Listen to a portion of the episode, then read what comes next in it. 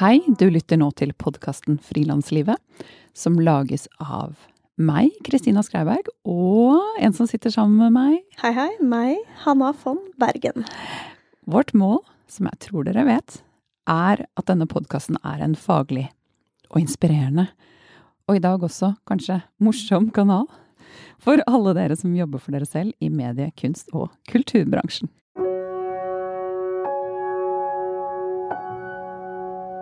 Ukens annonsør er regnskapsprogrammet Fiken.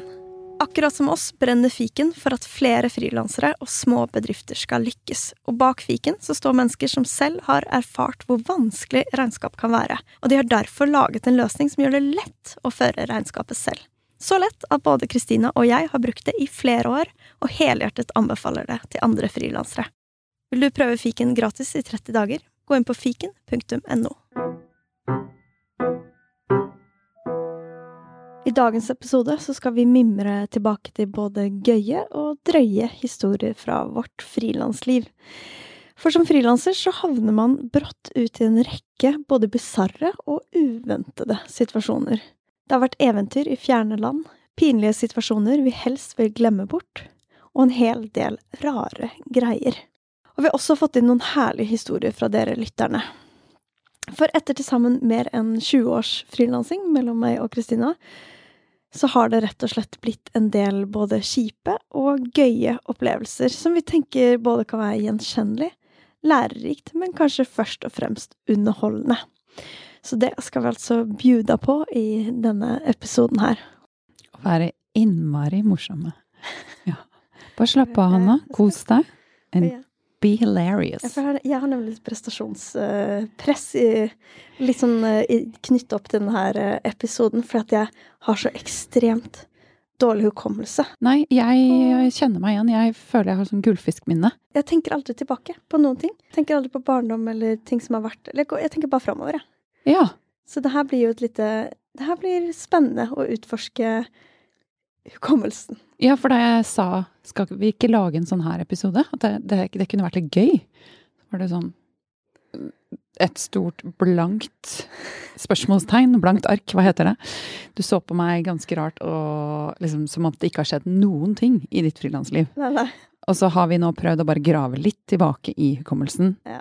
For å se hva som har skjedd. Ja, Så det er et eksperiment, Ja. som? Det er ikke sikkert det blir gøy. Nei. Og det er ikke sikkert det blir drøyt.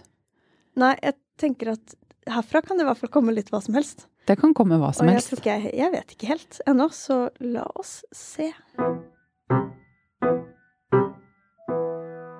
Jeg har jo um, da studert mye i utlandet. Ikke jobba så mye på en måte internasjonalt etter jeg var ferdig utdanna. men var på en måte tre år i Danmark som en del av det. Jeg Var i Colombia. Eh, var i Texas som en del av masteren. Så jeg har liksom vært ute på tur. Elsker å reise. Um, og når jeg var litt yngre, ja, sånn 18-19, så flytta jeg til Skottland.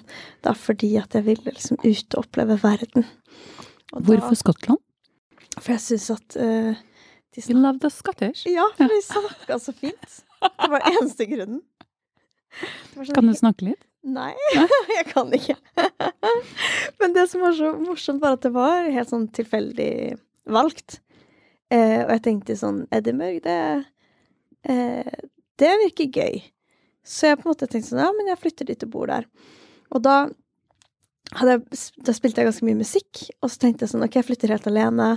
Jeg vil ha med meg liksom en følgesvenn, så jeg tok med meg min mbira, som er da et afrikansk instrument fra Zimbabwe, som er ganske lite. Og så husker jeg faktisk jeg hadde det i en søppelsekk, for jeg hadde ikke noe liksom, trekk til, til den. Og liksom trappa opp på flyet, og så begynte egentlig denne liksom, vistelsen ved å bo på et vandrehjem, som jeg endte opp med å bo på i hele fem måneder. På et rom med 17 andre eh, i samme rom I fem måneder? i fem måneder.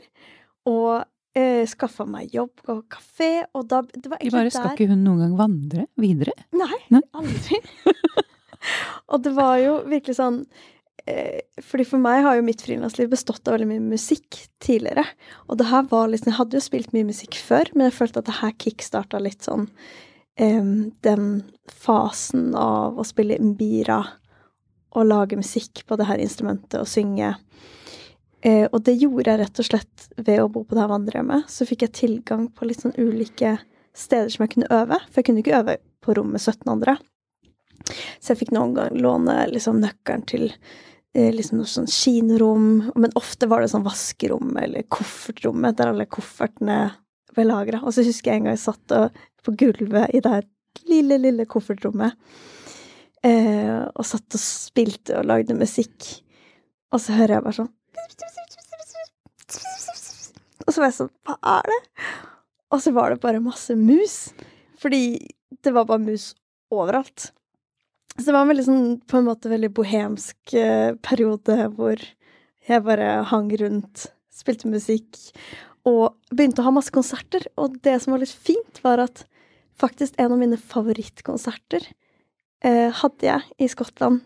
For jeg ble kjent med noen andre som spilte musikk, og så skulle jeg liksom Fikk jeg en eller annen gig hvor jeg skulle spille en kveld hvor andre band skulle spille. Jeg visste ikke helt hva det var. Og så viser det at jeg kommer til sånn svart Kjellerlokale, hvor det type er masse punkere eh, som skal spille konsert eh, sammen med meg, da. At de er på en måte jeg skal spille, så skal de spille. Eh, sånn at eh, jeg følte meg veldig sånn malplassert. Jeg spiller veldig sånn koselig, søt singer-songwriter-musikk.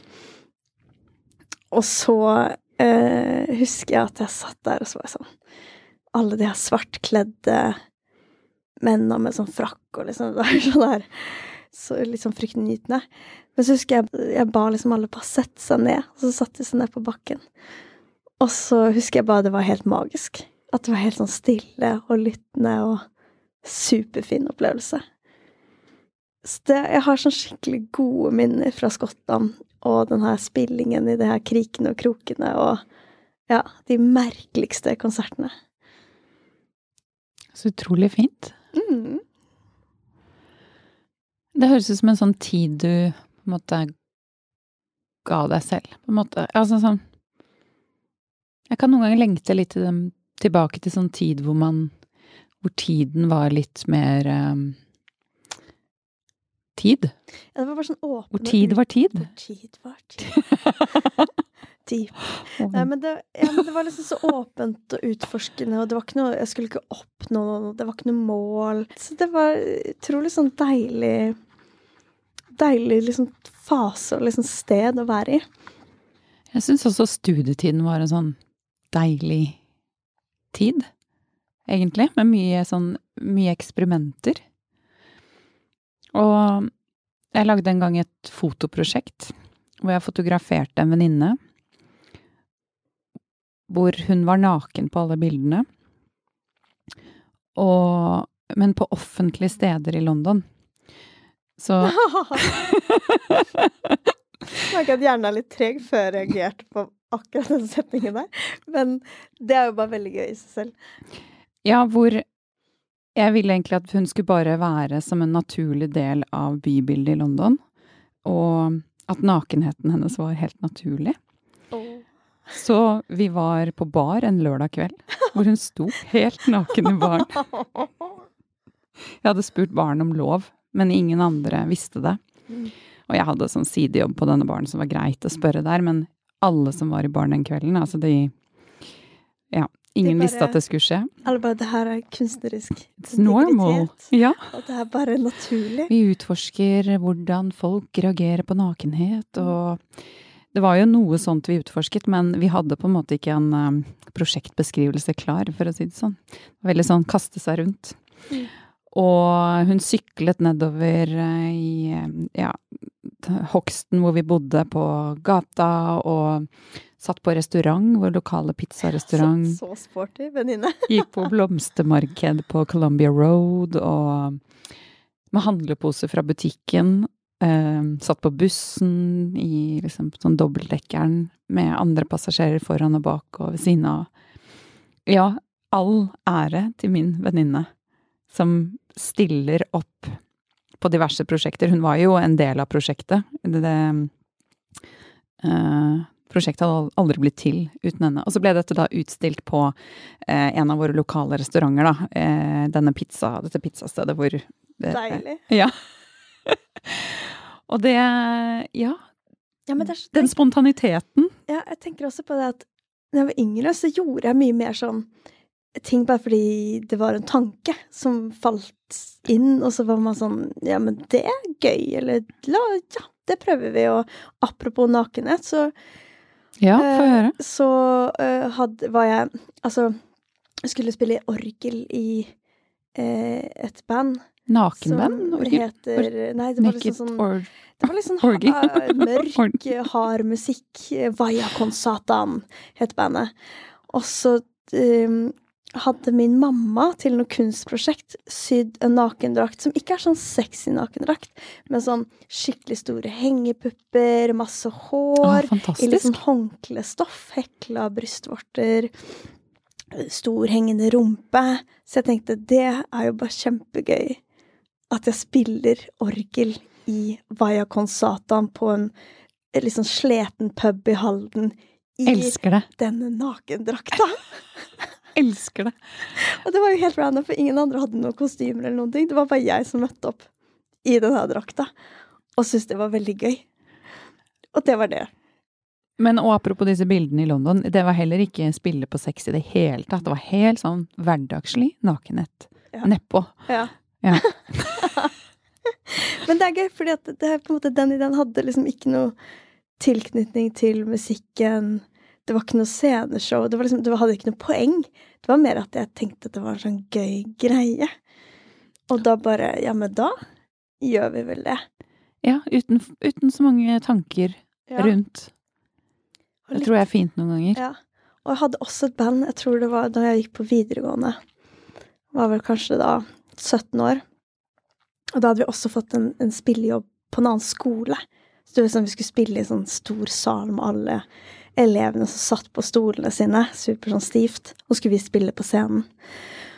Og da kalte vi Vi hadde kalt bandet Suck My Left One. Og så tenkte vi det er gøy hvis alle bytter instrumenter til noe man ikke kan spille. Og så hadde vi liksom lagd en sånn hanekamaktig frisyre på en sånn sang. Og så tenkte vi det var ekstra gøy hvis vi spilte i BH-en. Og det også Elsker var bare det. sånn Det var bare du vet, sånn, Se for deg en hel sånn skolesal med sånn stille, og så kommer vi litt sånn her Litt dårlig spillende på helt nye instrumenter i BH-en med litt sånn punkete look. Og ja, det var jo sånn midt på treet. Bra og bare rart. Og det er også så deilig at det er helt midt på treet. Ja, Helt average. kanskje til og med litt dårlig. Ja. Ehm, ja, det, også da jeg bodde i London, altså sånn lek og spontanitet var veldig mye en del av den tiden der. Og eh, venninnene, noen av de jeg bodde med, og jeg, vi brukte ofte søndagene våre da vi var veldig kleine, på å gå ut i gaten og lage eh, musikkvideoer. Så vi danset og liksom sang, og, og så etter hvert så lagde vi et mimeband til New Kids on the Block-låter. Så vi var liksom New Girls on the Block Mime Band. Og alltid kledd da i liksom 80-tallsklær med sleik og liksom Ja, mye greier. Uh, så vi har tre musikkvideoer oh. laget av New Kids on the Block. Å, den vil jeg. Musikk. se! Herregud, så gøy. Apropos det her med spontanitet, altså da For en del år tilbake, da jeg var ferdig med å studere, så bodde jeg et år i København. Og så kjente jeg at eh, jeg var litt sånn lei av å gå på byen. Så tenkte jeg hvordan skal jeg løse det, for jeg vil jo gjerne være på byen iblant fortsatt. Så da kom min kusine, Anne Stine, og jeg opp med en plan om at vi blir DJ-er, sånn at vi kan være på byen, men med en mission. Ja, for det var ikke løsningen var liksom ikke å gå mindre på byen. Det var bare å Nei, være på byen no på en ny måte. Ja. Yes. Så vi bestemte oss for å bli DJ-er, og fikk en kompis til å på en måte sånn lære oss hvordan blir man DJ. Så han brukte noen timer på det. Og så fikk vi noen gigs, da. Og en av de var å spille på noe som heter Distortion-festivalen, som er i København hvert år. Jeg vet ikke om det eksisterer lenger. Og da skulle vi spille midt i byen midt på et torg hvor det var 4000 mennesker rundt oss, og så sto vi på en sånn opphøyd scene, og vi hadde knapt spilt noen ting, og vi bare Yes, vi spiller. Og det var helt fantastisk. Det var supergøy. Men Og det kjenner jeg at eh, den derre spontaniteten, eller det å tørre å si ja til ting du nødvendigvis ikke kan, eh, men bare bestemme deg for at du skal bare lære deg det. Og det har jeg egentlig gjort ganske ofte, at jeg har hoppa litt inn i ting i mitt frilansliv og sagt ja til muligheter, selv om jeg er litt usikker på om det kommer til å gå. Ja, men i hvert fall i starten. Hvor jeg da bare liksom pusher meg selv til liksom Ok, men da blir det min deadline til å få det til å lære meg det. Ja, det er jo fantastisk. Jeg syns at det er og selv om mange av de historiene, og det kan virke som det er på en måte mm, sånn i ytterkanten av frilanslivet, eller og jeg, Vi begge har jo frilans, og du har jo tjent penger på DJ, jeg har tjent penger på å drive med musikk og sluppet album og liksom gjort det eh, seriøst, da. Men så er det noe med alle de her summen. Veldig seriøs DJ-virksomhet. Ja, veldig seriøs. Men det er jo summen av alle de her opplevelsene som liksom former det å kanskje ta noe fra idé til eh, å bli noe, et ferdig produkt, eller at man tenker sånn Shit, jeg kan komme på noe, og så kan jeg faktisk gjøre det om til noe jeg driver med som frilanser. Og tjene penger på, og som blir en ja. del av levebrødet. Mm, så jeg har også hatt veldig lik prosess med hele denne utforskende måten å teste ut ting, teste ut hobbyer, som kanskje en del hobbyer er blitt til jobb, eller teste skills, si ja til masse rart. Og ja, så det er eh, Jeg syns absolutt det er relevant for liksom min egen frilansreise. Helt enig. Og apropos det her med å spille konsert, og at liksom man kan havne litt uti alt mulig, så husker jeg at jeg ble spurt om å spille på noen sånn stor miljøfestival i Sarpsborg. Og jeg var sånn Det høres bra ut. Ja, si ja. Og så var det faktisk 12 000 pers på den festivalen. Eh, og jeg skulle varme opp for Alexander Rybak eh, som, hvis dere ikke kjenner til han, eh, vant Melodi Grand Prix. Et eller annet år? Et år. En del år siden. Med Fairytale. Spiller fiolin, synger. Og jeg var ikke helt, visste ikke helt hvem det her var når jeg skulle varme opp, men jeg var sånn Jeg er med på å spille konsert. Eh, og veldig, veldig mye barn og familier, da. Kanskje ikke liksom kjernepublikummet mitt, men fantastisk opplevelse. Og så husker jeg etter konserten så var jeg liksom backstage, og så kommer det liksom masse barn løpende fram, og sier de 'Er Alexander Rybak her?' 'Er Alexander Rybak her?' Og så sier jeg nei. Og så sier de sånn 'Å, men kan du skrive autografen hans?' og jeg var sånn 'Det kan jeg'. Ja til ting du ikke kan. Ja. Så jeg skrev ned Alexander Rybak. Som autograf til det her barnet, da. Ja. Og, og, gjorde dem Nå skal jeg til å si veldig glad, men de visste jo at du ikke var han. veldig, det er en veldig spesiell opplevelse. Ja. Og jeg skulle liksom signere for en annen musikers autograf etter en konsert.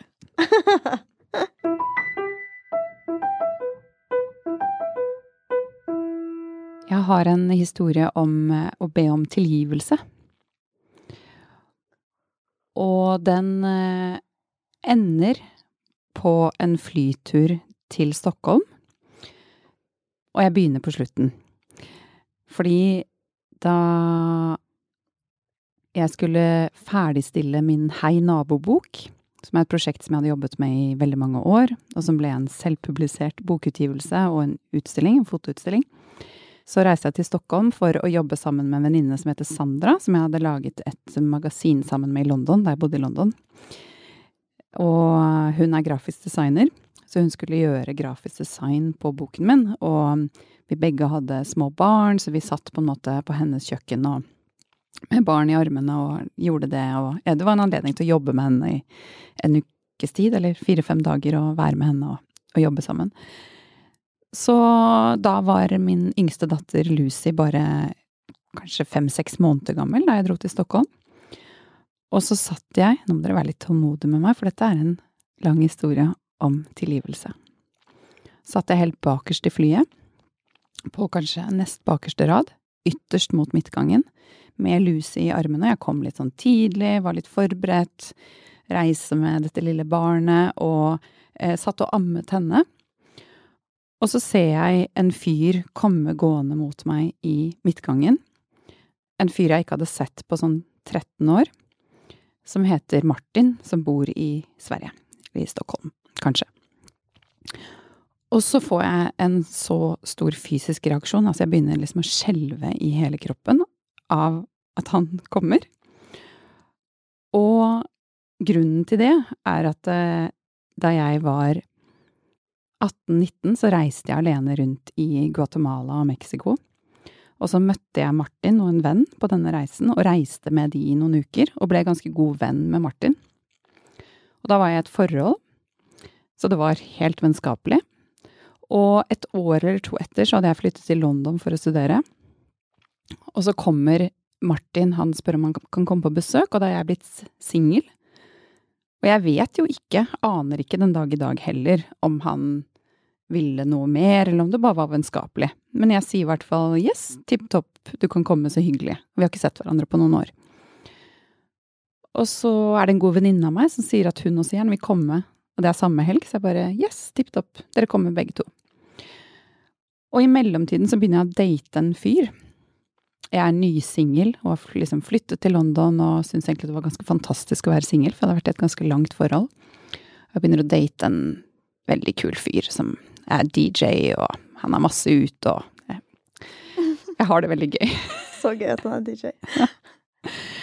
Og så kommer venninnen min noen dager før, og så er vi masse ute med da denne min nye, helt ferske flamme, og venninnen min begynner å date litt, eller holde på med vennen til min flamme. Så vi er liksom vi fire er ganske mye sammen, og så skal jeg jo få besøk av denne Martin, da. Og jeg er på et sånt sted hvor jeg bare bare er opptatt av denne fyren og venninnen min og hvor gøy vi har det. Men så skulle Martin komme på besøk. Så vi drar alle fire i en bil og henter Martin på flyplassen utenfor London. Og liksom Hei, hei, Martin, så hyggelig å se deg. Bare hopp oppi bak, vi skal rett på party. Eh, dette er planen for helgen, bare heng med. Så vi drar på en fest, og så eh, gir jeg liksom Martin bare en sofa på den festen, hvor vi overnatter på den festen. Og neste dag så drar vi hjem til liksom, leiligheten vår, og da har vi planer med disse gutta. Og Martin blir ikke tatt hensyn til, eller lyttet til, eller ja, anerkjent, holdt jeg på å si, i det hele tatt denne helgen. Eh, Han er liksom bokstavelig talt femte hjulet på vogna. Yes. Og jeg vet jo at jeg oppfører meg så utrolig råttent mot han. Men jeg orker på en måte ikke å tenke på det. Altså, jeg er sånn I starten av 20-årene, umoden, egoistisk. Jeg vil bare liksom ha det gøy. Mm. Så sånn fortsetter denne helgen, at han bare er et påheng. Og så drar han etter noen dager, og liksom helt tydelig at han har hatt en ganske kjip helg. Liksom, ha det godt. Og dette her er før alle mulige sosiale medier. Men vi har jo sikkert hatt mailkontakt, det er jo en grunn til at han kommer til London. Men det, årene bare går uten at jeg tar noe som helst kontakt med han. Og du snakker ikke noe etter det? Nei. Oh. Han var jo Jeg var jo en asshole. Og Ja, og det var jo tydeligvis, da, for jeg tok jo ikke kontakt med han heller. Så årene bare går, og så har dette vært en sånn en ting som har dukket opp hos meg med jevne mellomrom, hvor jeg får helt vondt av å tenke på hvordan jeg var mot Martin den helgen. Og har fått ofte en sånn fysisk reaksjon, og en sånn preget av skam, da. Jeg virkelig skammet meg, og det alle dere som lytter nå, det, jeg, nå blottlegger jeg en, en, av mine verste sider, da. Det at jeg har gjort dette her mot han, fordi jeg var en dritt, liksom. Og det Så det har vært noe sånn uforløst i meg hvor mot denne personen så var jeg en dritt, og jeg har aldri gjort noe med det. Og så går det da 13 år. 13 år? Og så Oi. sitter jeg på dette flyet på vei til Stockholm med da en bitte liten baby, altså Lucy, i armene mine. Og så kommer han gående inn i flyet, og jeg bare Å, det er Martin. Det er Martin. Og jeg får en sånn kjempefysisk reaksjon som er jo mye større enn de gangene det har dukket opp i meg gjennom årenes løp. Og jeg sitter og tenker sånn Å, la han bare sette seg ned på et eller annet sete, fordi jeg vet ikke hvordan jeg skal løse dette hvis jeg møter han nå. Og han bare kommer nærmere og nærmere og nærmere. Og jeg, som har med meg en liten baby, vet at jeg, vi kommer til å bli lagt merke til i løpet av denne flyturen. Og så kommer han helt til vår rad, og så skal han inn på andre siden av vår rad, Mm. inn til vinduet. Altså ikke forbi meg, men på motsatt ende, men på samme rad. Og jeg sitter og bøyer hodet mitt og bare ser ned på barnet i håp om å ikke bli gjenkjent. Oi, du prøver å gjemme deg? Ja, fordi jeg bare ikke var klar til å finne ut hva skal jeg gjøre? Hvordan skal jeg håndtere det her? Og han legger ikke merke til oss og setter seg ned. Og jeg sitter egentlig og dirrer og bare vet at Lucy kommer til å begynne å gråte eller eh, lage en eller annen form for lyd snart. Så jeg, jeg må komme i forkant av denne situasjonen. Så tar jeg opp telefonen min, og så slår jeg opp på, sånn, på notes, og så skriver jeg i store bokstaver. Unnskyld, unnskyld, unnskyld for hvordan jeg var mot deg da du besøkte meg i London for 13 år siden.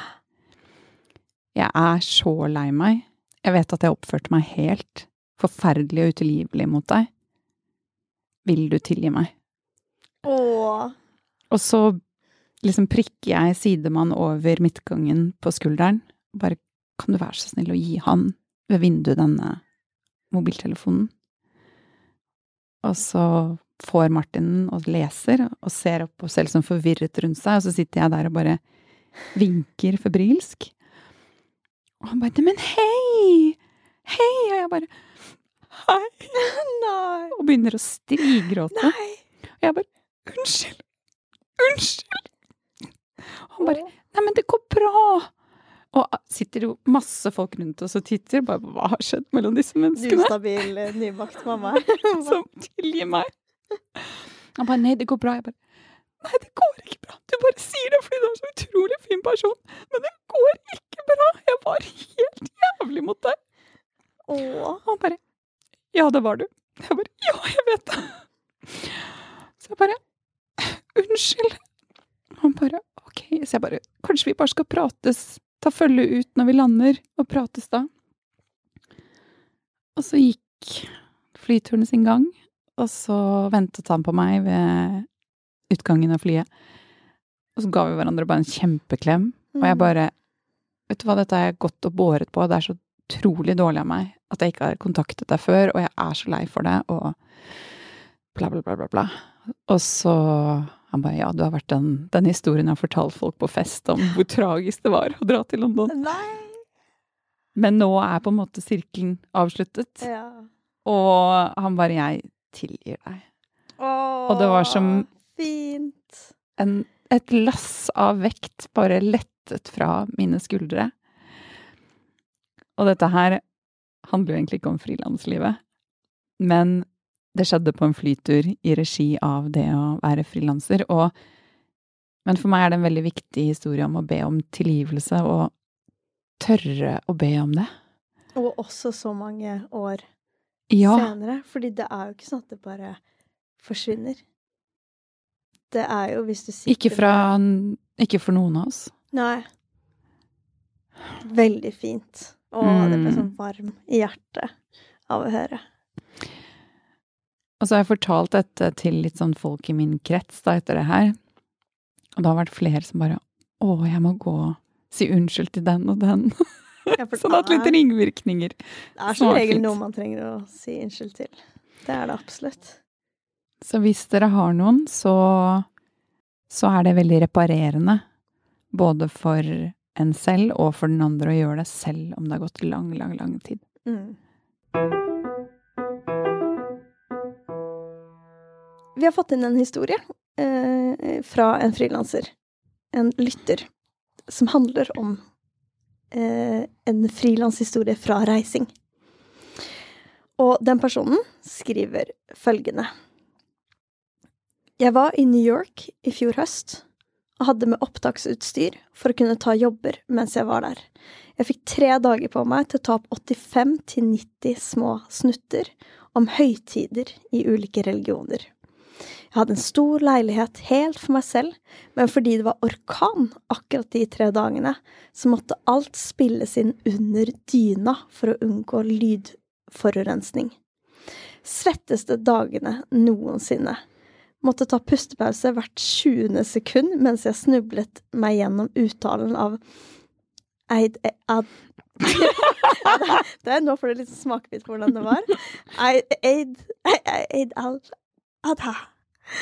Jom kippur og bandichor divas. Komisk i ettertid, grusomt mens det pågikk. Ja, så Deilig. deilig, eh, litt sånn bisarr situasjon. Svett situasjon. Og det er jo gjerne sånn det er, uansett hvilke rammer du må utføre et oppdrag innenfor, eller på en måte hva som har skjedd, eller så må du bare gjøre det beste ut av det. Mm. Og ja, Og gjennomføre. Og gjennomføre. Velkommen til Kjemperådet! Ohoi! Vi har fått inn et kjempekleint problem fra Trine Lure 22. Ok. Jeg leser. De to andre i kollektivet mitt har begynt å date, og jeg syns det er veldig kleint når vi skal se på TV sammen, og de bare skal kline. Ok, ja, Yes. Hvordan skal hun løse dette?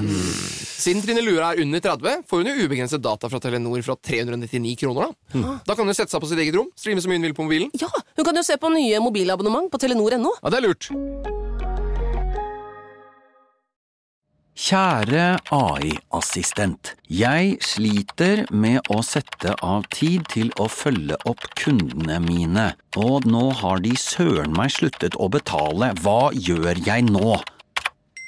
Med Amili, en ny helhetlig løsning fra Visma, kan du automatisere bort de kjipe oppgavene og tilpasse fakturering og betalingsoppfølging for hver enkelt kunde. Og det beste av alt, du får raskere betalt. Amili? La meg sjekke. Amili.no.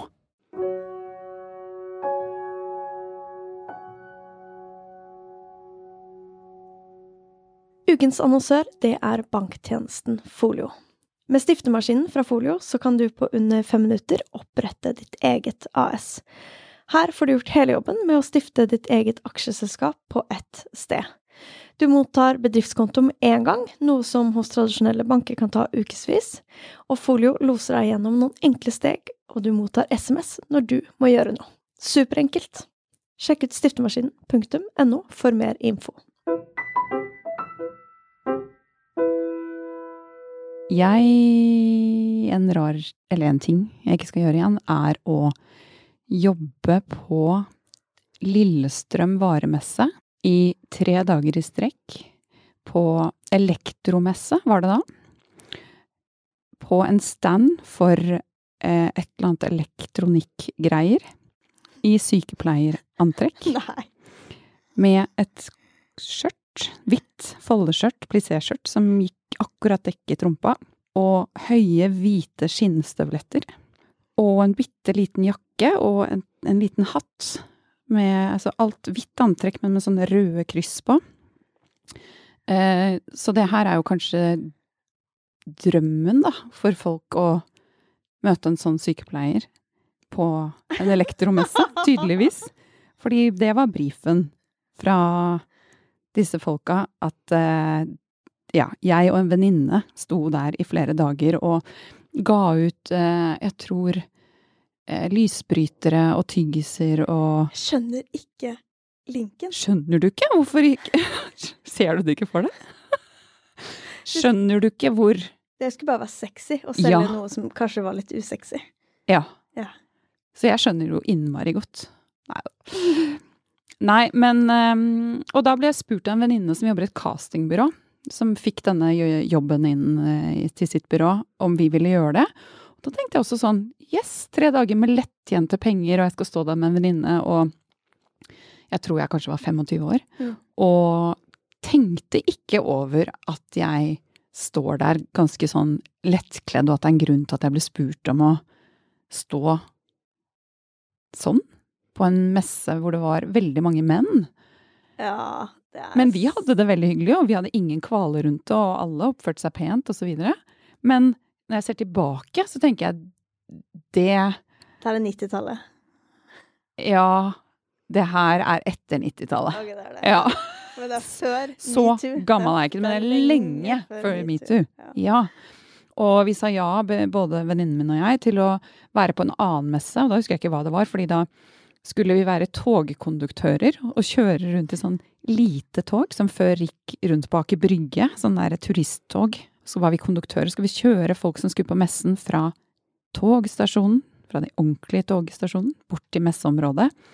Og igjen med sånn liten hatt og mørkeblå outfit som egentlig lignet veldig på sykepleieroutfiten. Men denne gangen var det mørkeblått og høye, mørkeblå skinnboots. Denne gangen var det sexy togkonduktør. Yes. Og med, jeg tror det var med en, ja, en fløyte, og jeg skulle liksom holde litt disiplin, da. Få folk inn i toget og kjøre de rundt. Streng, sexy Streng og sexy. Ja. Ja, fantastisk. ja. Hvordan var det? Hvordan var liksom følelsen av å stå på messen i sykepleieroutfit? Å ja, vi storkoste oss. Gjorde du det? altså, dette var så lenge før metoo eller egen bevissthet, jeg vet ikke, rundt eh, mm, exploitation, holdt jeg på å si. Eksponering av mitt eget eh, Jeg vet ikke. Av meg selv, eller hvem jeg er. Så mm, Ja, nei, det Jeg hadde ingen, ingen sånne Ingen bjeller som ringte og sa æ, du skal ikke gjøre det her.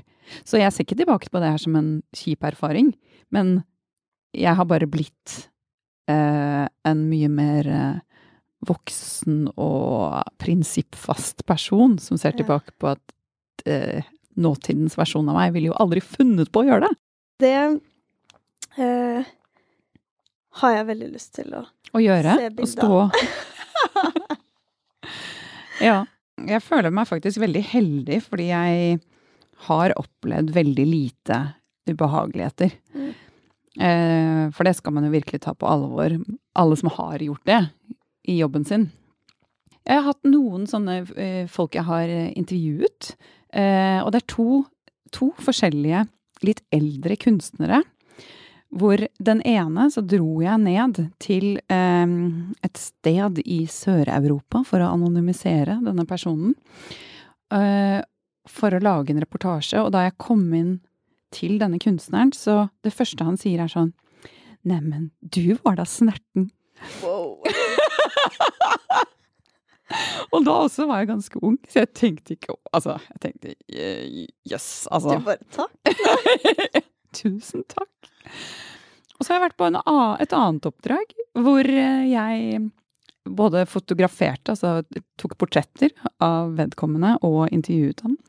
Jeg tror mange som jeg har portrettintervjuet, eller intervjuet, føler at de blir på en måte litt sett. Mm. Og at jeg er jo veldig oppmerksom og interessert og stiller spørsmål, og det er jo fordi det er min jobb. Men det er som at de våkner litt til liv, og bare sånn nå Å, det er, det er min tur til å fortelle om meg! Herregud, så god lytter du er. Så god lytter du er. Altså, det er nesten så Det har jeg også opplevd, å få litt sånn Litt på kanten med tekstmeldinger fra menn som jeg har intervjuet, Ja. hvor jeg tror at de tror at jeg er interessert i dem fordi jeg intervjuet dem. Ja, det er fascinerende. Men det er litt besides the point, men det kan jo hende det var sånn han trodde det. Og jeg er en veldig hyggelig og smilende person, men det stopper absolutt der. Så, og man skal jo ja, virkelig ikke si at det er min feil fordi jeg er så hyggelig og smilende, eller fordi jeg gikk med dette miniskjørtet på messe. Men eh, da tar jeg etterpå noen portretter av han, hvor jeg da står kanskje en meter fra han. Ganske nærme, egentlig, for å ta nærbilder.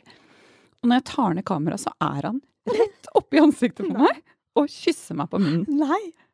Altså, jeg, jeg ble helt perpleks, og ante ikke hva jeg skulle si. Eh, han, jeg lurer på hva han tenkte på. Han tenkte sånn han tenkte at han bare måtte, for det var det han sa. Nei. Jeg bare måtte. Jeg er godt gift, men Nei. jeg bare måtte. Nei. Altså, jeg ble helt satt ut, og jeg klarte ikke å sette ham på plass. Ingenting. Nei, Så jeg det rundet av høflig og sa ja, takk for nå. Du bare, det var snerten oppførsel. Det var en snerten oppførsel, ja. Og det er jo sånn jeg tenker tilbake på at eh, å, jeg burde jo ha sagt noe. Mm. Eh, men jeg ble så tatt på senga. Og jeg bare holdt tonen helt profesjonell etter det. Men det jeg tenker sånn, hva tenker han med? Altså sånn han bare Det her syns, syns sikkert hun Og jeg er på jobb! Deilig. Jeg har blitt sendt dit på jobb, og- det er en person som er nesten kanskje 30 år eldre enn meg. Ganske invaderende. Og plutselig står rett oppi fleisen på meg og trenger leppene sine inntil mine. Det er helt sjukt rett. Ja. Og så undrer man jo kanskje litt sånn, eller det har jeg aldri undret på før jeg satt her nå, men er det flere som har opplevd det da med denne personen, eller liksom Er, er noen sånn? Som, som, som Å, gjør ja. sånn? Jeg tror det er så mye grums der Ja. ute. Jeg har hatt ikke en sånn situasjon, men jeg husker at det var en jeg spilte musikk med, eh, som var fra Mosambik. Og det er jo i utgangspunktet ganske stor kulturforskjell, på en måte Norge-Mosambik. Eh, og vi hadde spilt et par konserter, spilte sammen med noen andre. Og jeg syntes bare det var veldig hyggelig eh, å liksom spille musikk sammen. Men han hadde nok fått liksom en liten sånn der Her skjer det noe mer eh, tankegang. Eh, og så husker jeg at liksom, han approacha og liksom sa han var interessert, og, og jeg var bare sånn Jeg er ikke interessert. Eh, Du sier sånn rett ut? Ja. ja, altså det her Jeg tror jeg var bare sånn Jeg vil bare spille musikk, jeg. og Jeg burde sagt sånn Jeg vil bare fotografere, jeg. ja, Jeg er ikke interessert. jeg vil jeg vil ikke kysse. Jeg vil ikke kysse.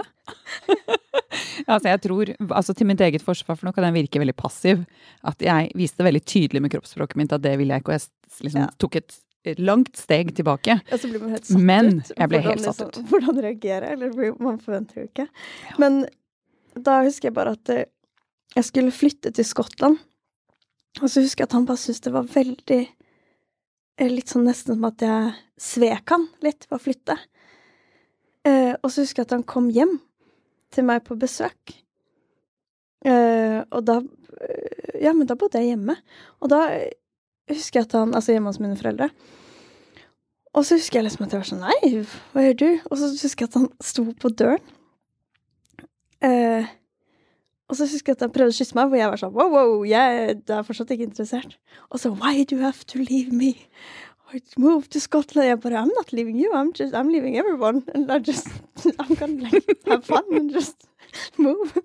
Og så husker jeg at han sa Og så sa han den Det beste, handlet om han. Ja. den beste setningen jeg noensinne har hørt.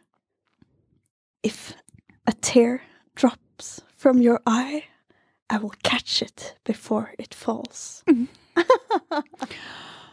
oh, hvordan kunne du la han gå? Ja, for jeg vet ikke. Ja, så det ble ikke så mye mer spilling. sammen. Men ikke noe, ikke noe kyssing?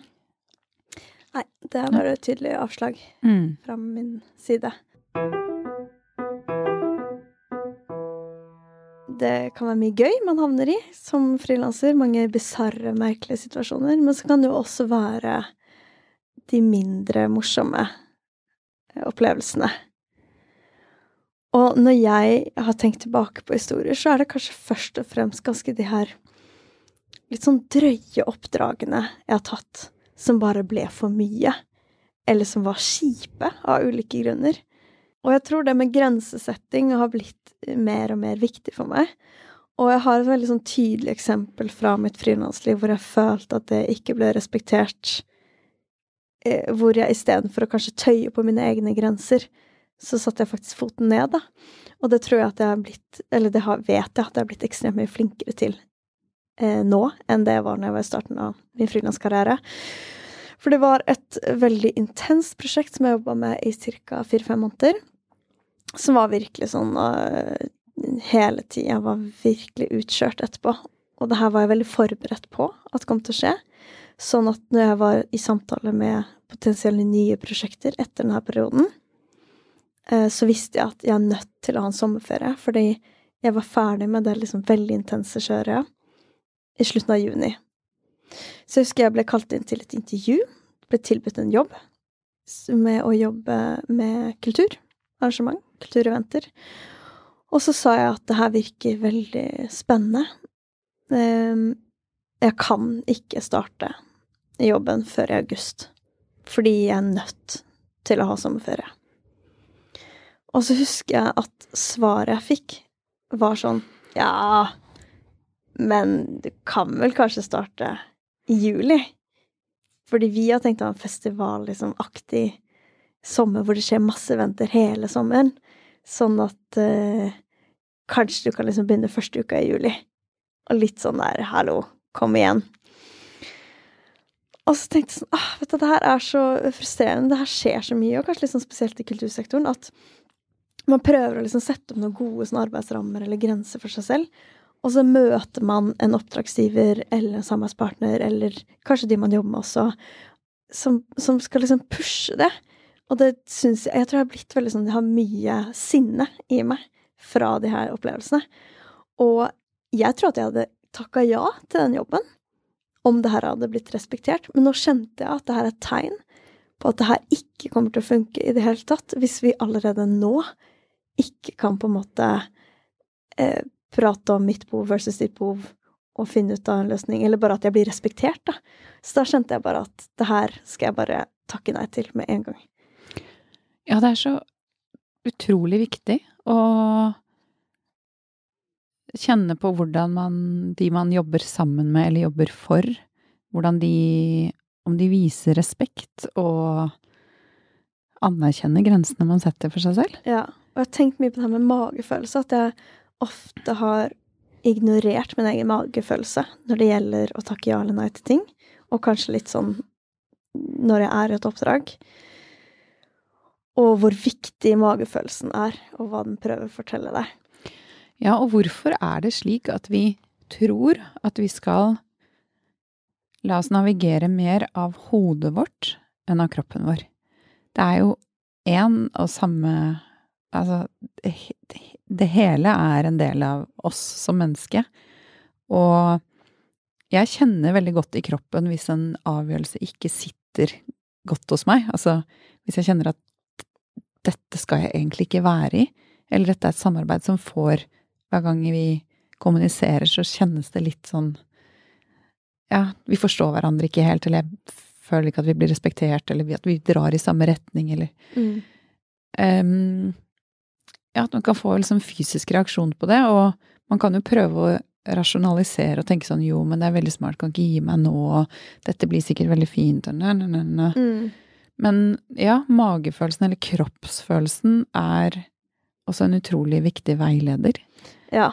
Og viktig å la det lande litt, og liksom tenke hvorfor Hvorfor kjennes ikke det her rett ut? Hva er det ved det her som ikke er bra nå, eller som prøver å liksom som, Hva er det som sier ifra, og hvorfor? Og jeg syns at uh, jeg har vært i noen samarbeid, uh, eller hatt noen oppdragsgivere hvor jeg kjente at dette vil jeg egentlig ikke. Mm. Um, og hvor jeg til slutt har brutt ut av det, og man bare kjenner at å, det var en så riktig avgjørelse, selv om ok, kanskje vi ikke fikk gjennomført prosjektet akkurat nå, eller det stopper opp prosessen veldig, men hvordan man har det i det, er tross alt viktigst. Ja. For meg, i hvert fall. Det er tross alt dine grenser. Det er du som er involvert i det, og det skal funke for deg. Mm. Og hvis ikke folk bryr seg om det, så er det jo veldig lite verdt, hele den arbeidsrelasjonen. Ja. Og det, jeg syns det her skjer igjen og igjen og igjen. Det er så ofte. Jeg syns at eh, jeg prøver å være tydelig. For eksempel, jeg gjorde oppdrag ikke altfor lenge siden. Kom veldig kjapt. Var bare noen få dager. Jeg sendte en melding og sa sånn Jeg blir med, jeg har begrensa tid. Jeg har, kan sette av den dagen, halve den dagen, den dagen til avvikling. Eh, jeg skal ha Eller jeg vil ha den timeprisen. Eh, og vi har en forventning om så mange timer. Så jeg var skikkelig sånn her Dette er rammene. Så husker jeg fikk til svar sånn Superbra. Eh, vi kan møtes i morgen, så snakker vi liksom så Så snakker vi om detaljene. Så var jeg sånn OK, møtes vi dagen etterpå. Ikke noe snakk om detaljene.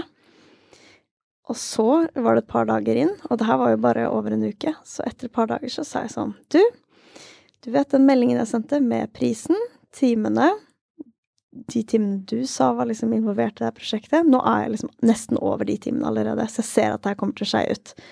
Fordi det er mye større enn det du forespeila. Er det greit? Hvis ja, så kan vi kjøre på, men da blir det også cirka det her som sluttsum. Så istedenfor ja, 5 000-10 000, så er vi oppe i 2025, da. Og da fikk jeg svar Å ja, nei, det hadde ikke jeg helt fått med meg. Eh, jeg tenkte sånn at vi snakka om cirka da, liksom for en dag, ikke per time. Og så var jeg sånn Ja, men hva mener du at jeg skulle bare jobbe 15 timer på én dag, og at det ikke har noe å si hvor mange timer jeg jobber, eller hva? Hvordan da, liksom? Um, og da jeg sa liksom sånn um, For jeg vil heller ta det nå enn å ta det etter jeg har gått 15 timer over avtalen fordi du har trengt det. Så den praten må vi ta nå. Eh, og til slutt så landa vi på liksom nesten den timeprisen jeg hadde sagt, og typ nesten 7000 istedenfor det 50-10 som var liksom først forespeila. Så det endte ganske bra, men det som gjorde det ganske ubehagelig, var at for det første så hadde jeg prøvd å være veldig tydelig. Det ble ikke fulgt opp i en sånn Vi kjører på, jeg setter av det beløpet, si fra når du bikker de timene, eller et eller annet. Og jeg følte at man må, man må være ganske sånn hard som frilanser. Fordi det er jeg som må bringe opp den der pengepraten med min egen oppdragsgiver, og på en måte si eh, hei, hei, eh, liksom Jeg fortjener det her. Hvordan går det egentlig med det? Liksom, jeg vet ikke, det er bare noe med den der dynamikken som er veldig vanskelig. Og at man hele tida må ta liksom den der eh, Oppdra sin egen oppdragsgiver. Ja, og du må hele tiden sette de tydelige rammene og grensene og være den som gjør det. Ja. Og nå sitter jeg og tenker sånn at For det er veldig krevende, og jeg også gjør det hele tiden. Men hva har vi å vinne på det? Ved å være tydelig? Hva da? Nei, altså Ja, eh, jeg vet at vi har alt å vinne på det, men samtidig så krever det jo veldig mye. Og man gjør jo også opp den som sitter i andre enden en tjeneste, tenker jeg. Virkelig. Fordi man tar ansvar for at det ikke bare eh, skeier ut i alle mulige retninger. Ja, og at jeg jobber 300% og den personen tenker at du skal få 5000. Og Ja. jeg tenker at nå er jeg oppe i 30. Og så blir det en kjempekonflikt etterpå. Og da har du i hvert fall ingenting å forhandle med. Ja, fordi det jeg tenker at man har å vinne, fordi det er Mange er jo også konfliktsky. At Mm. man ikke tar dette her. Men min teori er jo at folk som er konfliktsky, eller ikke setter opp de tydelige rammene, de får bare konfliktene senere. Ja. At man ikke får mindre konflikter nødvendigvis. Eller at man da stadig vekk går på akkord med seg selv. Men hvordan kan man ta disse rundene, men med hevet hode og senkede skuldre og verdighet og stolthet? Åh, så vanskelig. Jeg syns alltid det er en klump i magen. Og Enig. skikkelig vrient.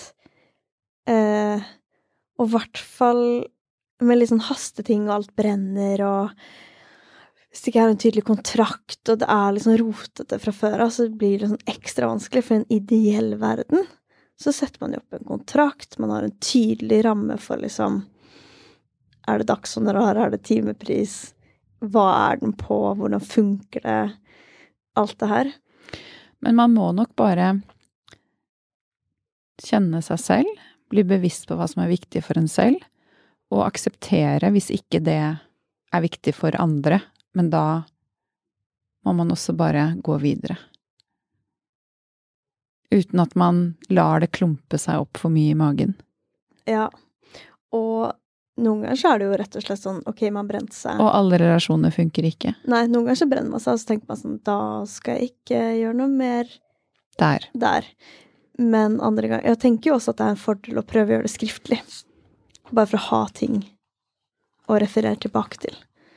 Eh, For det er litt vanskelig å si sånn, men vi husker at vi tok den praten der på kvelden og liksom sa sånn cirka beløp, eller altså At jeg tenker det er veldig lurt å prøve å ha i hvert fall en melding eller en mail, eller hvor man bare Og det som kan være fint hvis man har muntlig samtale, er at man rett og slett oppsummerer. Og sender det sånn Kan du bekrefte at det her er rammene?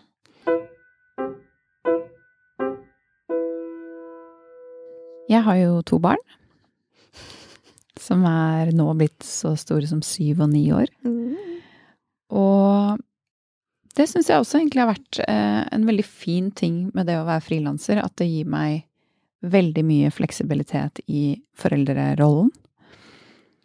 Og det gjør også at jeg kan velge å dra barna mine og familien min inn i mine prosjekter noen ganger.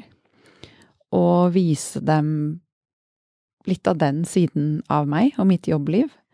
Eh, og også få realisert en del prosjekter fordi det går an å kombinere det litt med familielivet. Så jeg har for eksempel da jeg i seks år fotograferte med jevne mellomrom mine naboer i blokka jeg bodde i på den tiden, på Tøyen, så gikk jeg ofte med Lucy, som da var eh, veldig liten, noen måneder gammel, i bæresele på magen og banket på dører og oppsøkte naboer og var hjemme hos de og fotograferte de. Eller eh, min datter Ada, da hun var veldig liten, så hadde jeg henne med til Harlem i New York, hvor jeg hadde et sånn langsiktig fotoprosjekt med en dame som jeg har fotografert der over flere år. Så det er veldig Ja, det kan man gjøre. Ta barna sine med, og familien med. Og vi hadde jo nylig en litt sånn frilandstreff på bar, hvor det kom noen. Veldig hyggelig, dere som kom. Og da skulle mannen min jobbe, og jeg fant ingen til å være med barna. Så tok jeg de med Mm. på bar. Satt de og tegnet og perlet. Deilig. Ja. Ja. Så en gang imellom så tåler de å være med på det også. Ja. Ja. liksom Ja, frilansliv og Det er liksom jobb, fritid og familieliv er en salig miks av Ja. til. Vi har fått inn en historie som er eh, veldig fin, for den representerer eh, litt det her med struktur, og vi var litt innom det, da, i forhold til eh, kanskje litt sånn rotete prosesser. Men eh, her er en litt sånn eh, en lærdom til alle oss frilansere når det gjelder struktur og system. Så det her er en historie fra fotograf Ingrid Jordal, som bor på Voss. Og hun har lenge jobba med et fotoprosjekt som heter She Hunts, hvor hun har fotografert kvinnelige jegere som har blitt utstilt en haug av ulike steder. Og hun skriver Jeg slettet hele She Hunts-arbeidsmappa mi i fylla. She Hunts er et prosjekt jeg har jobba med i fem år. Jeg skulle bare ta meg noen glass på kvelden, stikker innom hjemmekontoret og finner ut at jeg skal rydde litt. Og fytti katta som det sank i meg mandagen etter, da jeg ikke fant mappa mi på dataen.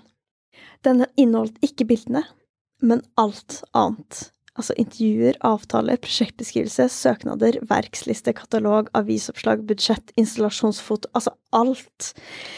Um, men det her er jo altså et fotoprosjekt. Um, og så skriver hun Jeg har fortsatt ikke klart å gjenopprette alt. For en backup. Det hadde jeg ikke. Dette er det verste som har skjedd meg, men det er ganske morsomt for alle andre. Og det der er så vondt. Det er en så god lær lærdom, fordi det er så mange Hvis du lytter nå og ikke har en backup, altså bare ta en Gjør det. Bruk eh, Hva som helst. Ja på Mac. Kjøp en ekstern harddisk, bruk Google Drive til å ta en backup i skyen.